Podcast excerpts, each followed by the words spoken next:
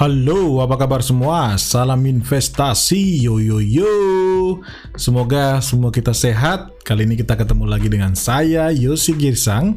Kita akan membahas tentang kabar yang cukup rame di media sosial maupun di eh, media-media uh, online tentang direksi dari Bank BCA atau BBCA yang mana mereka dari antara direksi tersebut Eh, bersamaan menjual saham mereka, saham BBCA yang mereka miliki.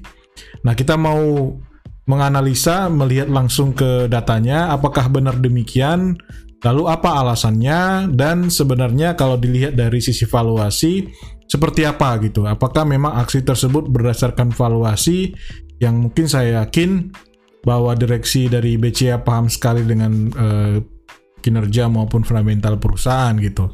Nah, kita lihat dulu datanya ya. Jadi seperti yang sudah dirilis oleh Bursa Efek Indonesia bahwa contohnya ada transaksi penjualan saham BCA yang dilakukan oleh para petinggi BCA. Yang pertama adalah dari Presiden Direktur BCA yaitu Pak eh, Jahya Setia Atmaja di mana pada tanggal 10 Juli yang lalu beliau menjual eh, 25.000 lembar saham BCA-nya yang di harga 31.125 rupiah ya. Jadi sekarang per hari ini uh, podcast ini dibuat sekarang tanggal 16 Juli itu saham BCA diperdagangkan di harga penutupan 30.900. Jadi beliau sempat menjual di harga 31.125 pada 10 Juli yang lalu. Ya, uh, apakah artinya ini sudah mahal? Nah, coba kita telah lagi bahwa sebenarnya total saham yang dimiliki oleh Pak uh, Jaya Setia Maja ini sebagai Presiden Direktur BCA itu bahkan mencapai setelah dijual 25.000 lembar, beliau masih memiliki sampai 8 juta 5.000 lembar. Ya, 8 juta 5.000 lembar. Artinya kalau saya hitung saya kalikan dengan harga penutupan di hari ini sebesar 30.900 ya secara market cap atau secara nilai pasar maka itu setara dengan 247 miliar. Jadi bisa dibilang jumlah yang dijual ya sangat kecil sekali gitu. Dan ada juga direksi yang lain Pak Santoso, beliau direktur BCA menjual di harga lebih tinggi sedikit 31.150 sejumlah 50.900 lembar ya. Sebelumnya beliau memiliki 295.000 lembar, sekarang menjadi 244 lembar.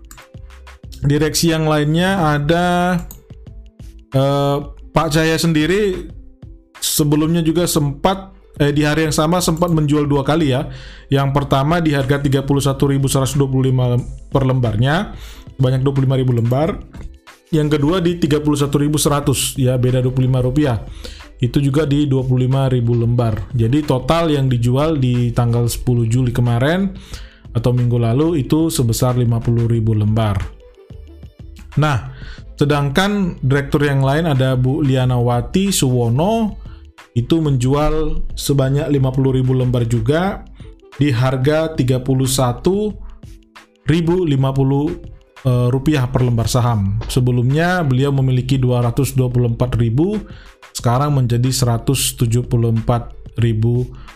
lembar. Jadi uh, penjualan ini sebenarnya kalau bisa dikatakan tidak dalam jumlah besar dibandingkan dengan total saham yang mereka miliki. Mungkin untuk Bu Lianawati lumayan banyak sih, karena kalau 50.000 lembar beliau memiliki 224.000 sebelumnya, berarti yang dijual itu kurang lebih hampir mencapai 20%. Kemudian ada Pak Rudi Susanto. Pak Rudi Susanto itu juga menjual di harga 31.025 pada tanggal 9 Juli sebanyak 54.500 lembar. Sebelumnya beliau memiliki 414.000, sekarang menjadi 360.000. Ya, jadi itu dijual juga. Kemudian uh, ada Pak Henry Koenaifi Beliau juga direktur di BCA ya. Itu jualnya lebih rendah di 29.925 per lembar per saham yang dijual 100.000 lembar. Beliau juga memiliki cukup banyak sebelumnya 1 juta 100 ribu lembar dan sekarang menjadi 1 juta 18 ribu lembar. Dijual di tanggal 7 Juli gitu. Nah, perlu teman-teman ketahui bahwa sebenarnya pada waktu hampir seluruh saham blue chip turun dalam, terutama uh, itu diikuti tentu dengan IHSG juga. Eh, BCA juga sempat di harga di bulan Maret yang lalu di 2020.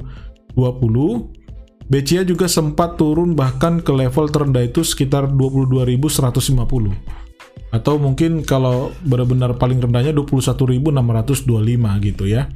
Dan pada waktu itu sebenarnya direksi-direksi juga melakukan pembelian. Contoh, uh, presidirnya BCA sendiri Pak Jaya Setiat Maja membeli di harga 23.000 banyak 20.000 lembar pada tanggal 24 Maret.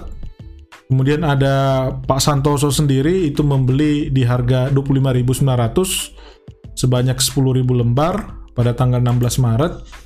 Jadi uh, bisa dikatakan beberapa direksi memang melakukan pembelian justru pada waktu ada penurunan. Ya walaupun secara total bisa kita katakan e, beberapa direksi memang sudah memiliki banyak juga. Artinya mereka kalau saya amati sebenarnya lebih e, jual dan belinya dalam jumlah yang kecil. Terutama kalau kita melihat misalkan presiden direkturnya itu Pak e, Cahya Setiat Maja ya. Di mana misalkan di bulan April kemarin setelah dia beliau melakukan e, apa namanya e, pembelian di Maret ya itu posisinya di 7.940. Kemudian ada pembelian lagi sampai akhirnya beliau mencapai 8.100.000 jumlah lembar sahamnya. Nah, sekarang kalau saya melihat dari analisa saya pribadi ya dari uh, rasio uh, eh, PE ratio gitu ya. Jadi kalau kita melihat BCA ini sebenarnya dari perhitungan analisa saya itu baru murah kalau atau terdiskon kalau PE rasionya di bawah 17,5 kali. Dengan uh, annualized earning per share atau laba per saham dari BBCA sebesar 1180 maka dengan angka 17,5 saya peroleh uh, kalau itu diskon di sekitar harga 20.691 dan itu akan mahal kalau uh, pernya di atas 24 24 kali atau di atas 28.283 jadi memang uh, dari historical 5 tahun terakhir rata-rata P ratio terendah dari uh, eh, BCA dengan uh, PER tertinggi dari BCA dalam 5 tahun terakhir itu gapnya nggak terlalu besar. Jadi antara 17,5 sampai 24 walaupun ya di 2019 itu pernah PER tertinggi dari BCA 29 dan di 2016 pernah PER terendah dari BCA itu di 15 kali gitu. Nah, se sekarang pertanyaannya kenapa para direksi itu melakukan pembelian uh, di harga sekitar ada tadi yang 20 berapa tadi ya? Sempat ada yang di harga 23.000 gitu ya. Kenapa belum nyampe di 21.000 lah gitu ya? Dari valuasi tadi yang saya uh, gunakan dengan P ratio kok sudah membeli. Balik lagi uh, kita kalau saya sih melihatnya begini uh, belum tentu valuasi itu sama setiap orang. Itu yang pertama. Yang kedua, saya sih melihat bahwa jual beli yang dilakukan oleh direksi BCA ini adalah jual beli untuk jangka pendek. Ya, saya yakin mereka juga tahu bahwa uh, range rata-rata harga yang sudah masuk mahal atau murah itu di BCA mereka paham itu. Apalagi mereka uh, sebagai orang dalam, sebagai orang yang mengendalikan dari perusahaan gitu. Dan itu wajar-wajar aja seorang direksi di perusahaan terbuka untuk memiliki sahamnya. Bahkan kalau bisa saya bilang, kalau data yang saya uh, sudah peroleh dari Bursa Efek Indonesia, hampir seluruh direksi dari BCA itu memiliki saham di BCA.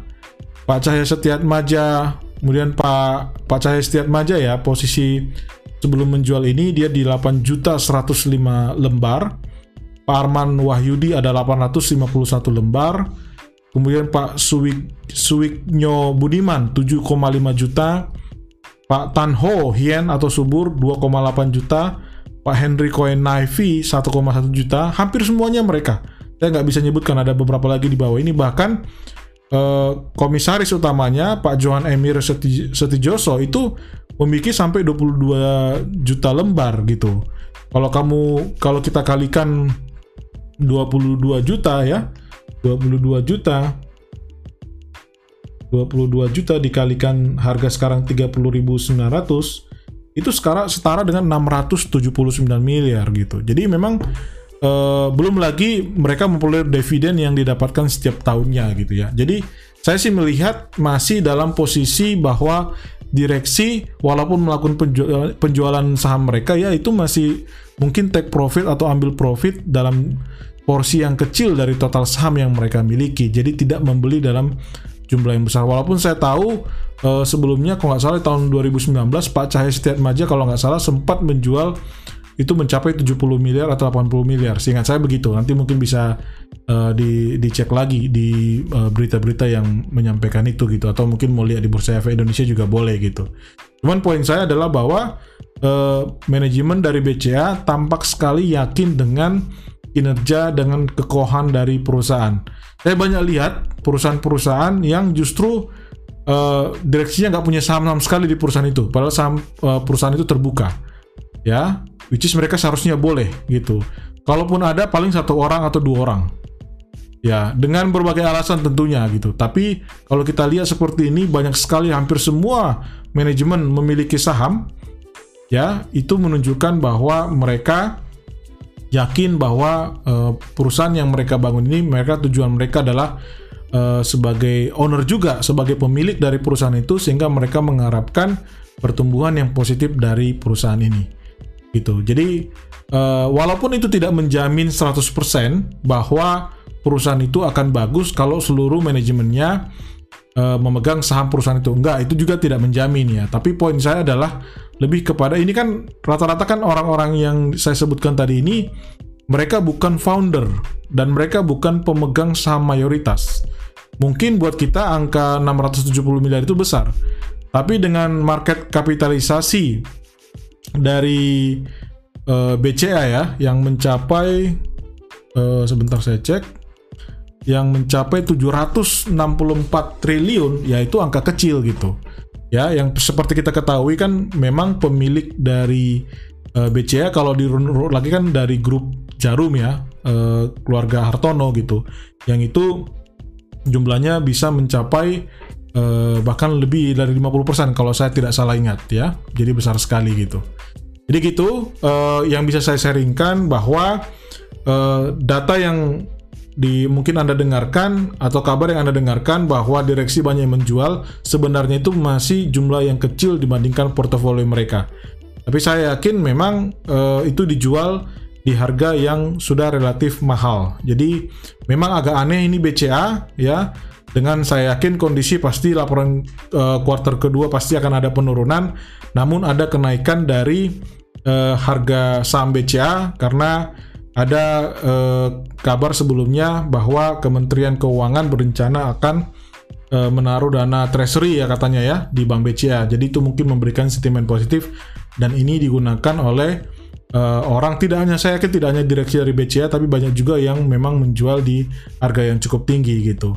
Jadi itu balik lagi eh, kalau bagaimana kalau eh, Anda mau menjual dan membeli saham dengan melihat eh, pergerakan jual belinya dari para manajemen BCA ya silakan saja tapi menurut saya tetap Anda lebih baik melakukan valuasi sendiri yakin dengan analisa sendiri karena eh, yang namanya perusahaan kita tidak boleh jatuh cinta kita tetap harus menganalisa sendiri kinerja perusahaan tersebut sehingga nanti kalau ada perubahan buat manajemen kan tidak mudah mereka untuk langsung menjual dalam jumlah seperti itu gitu.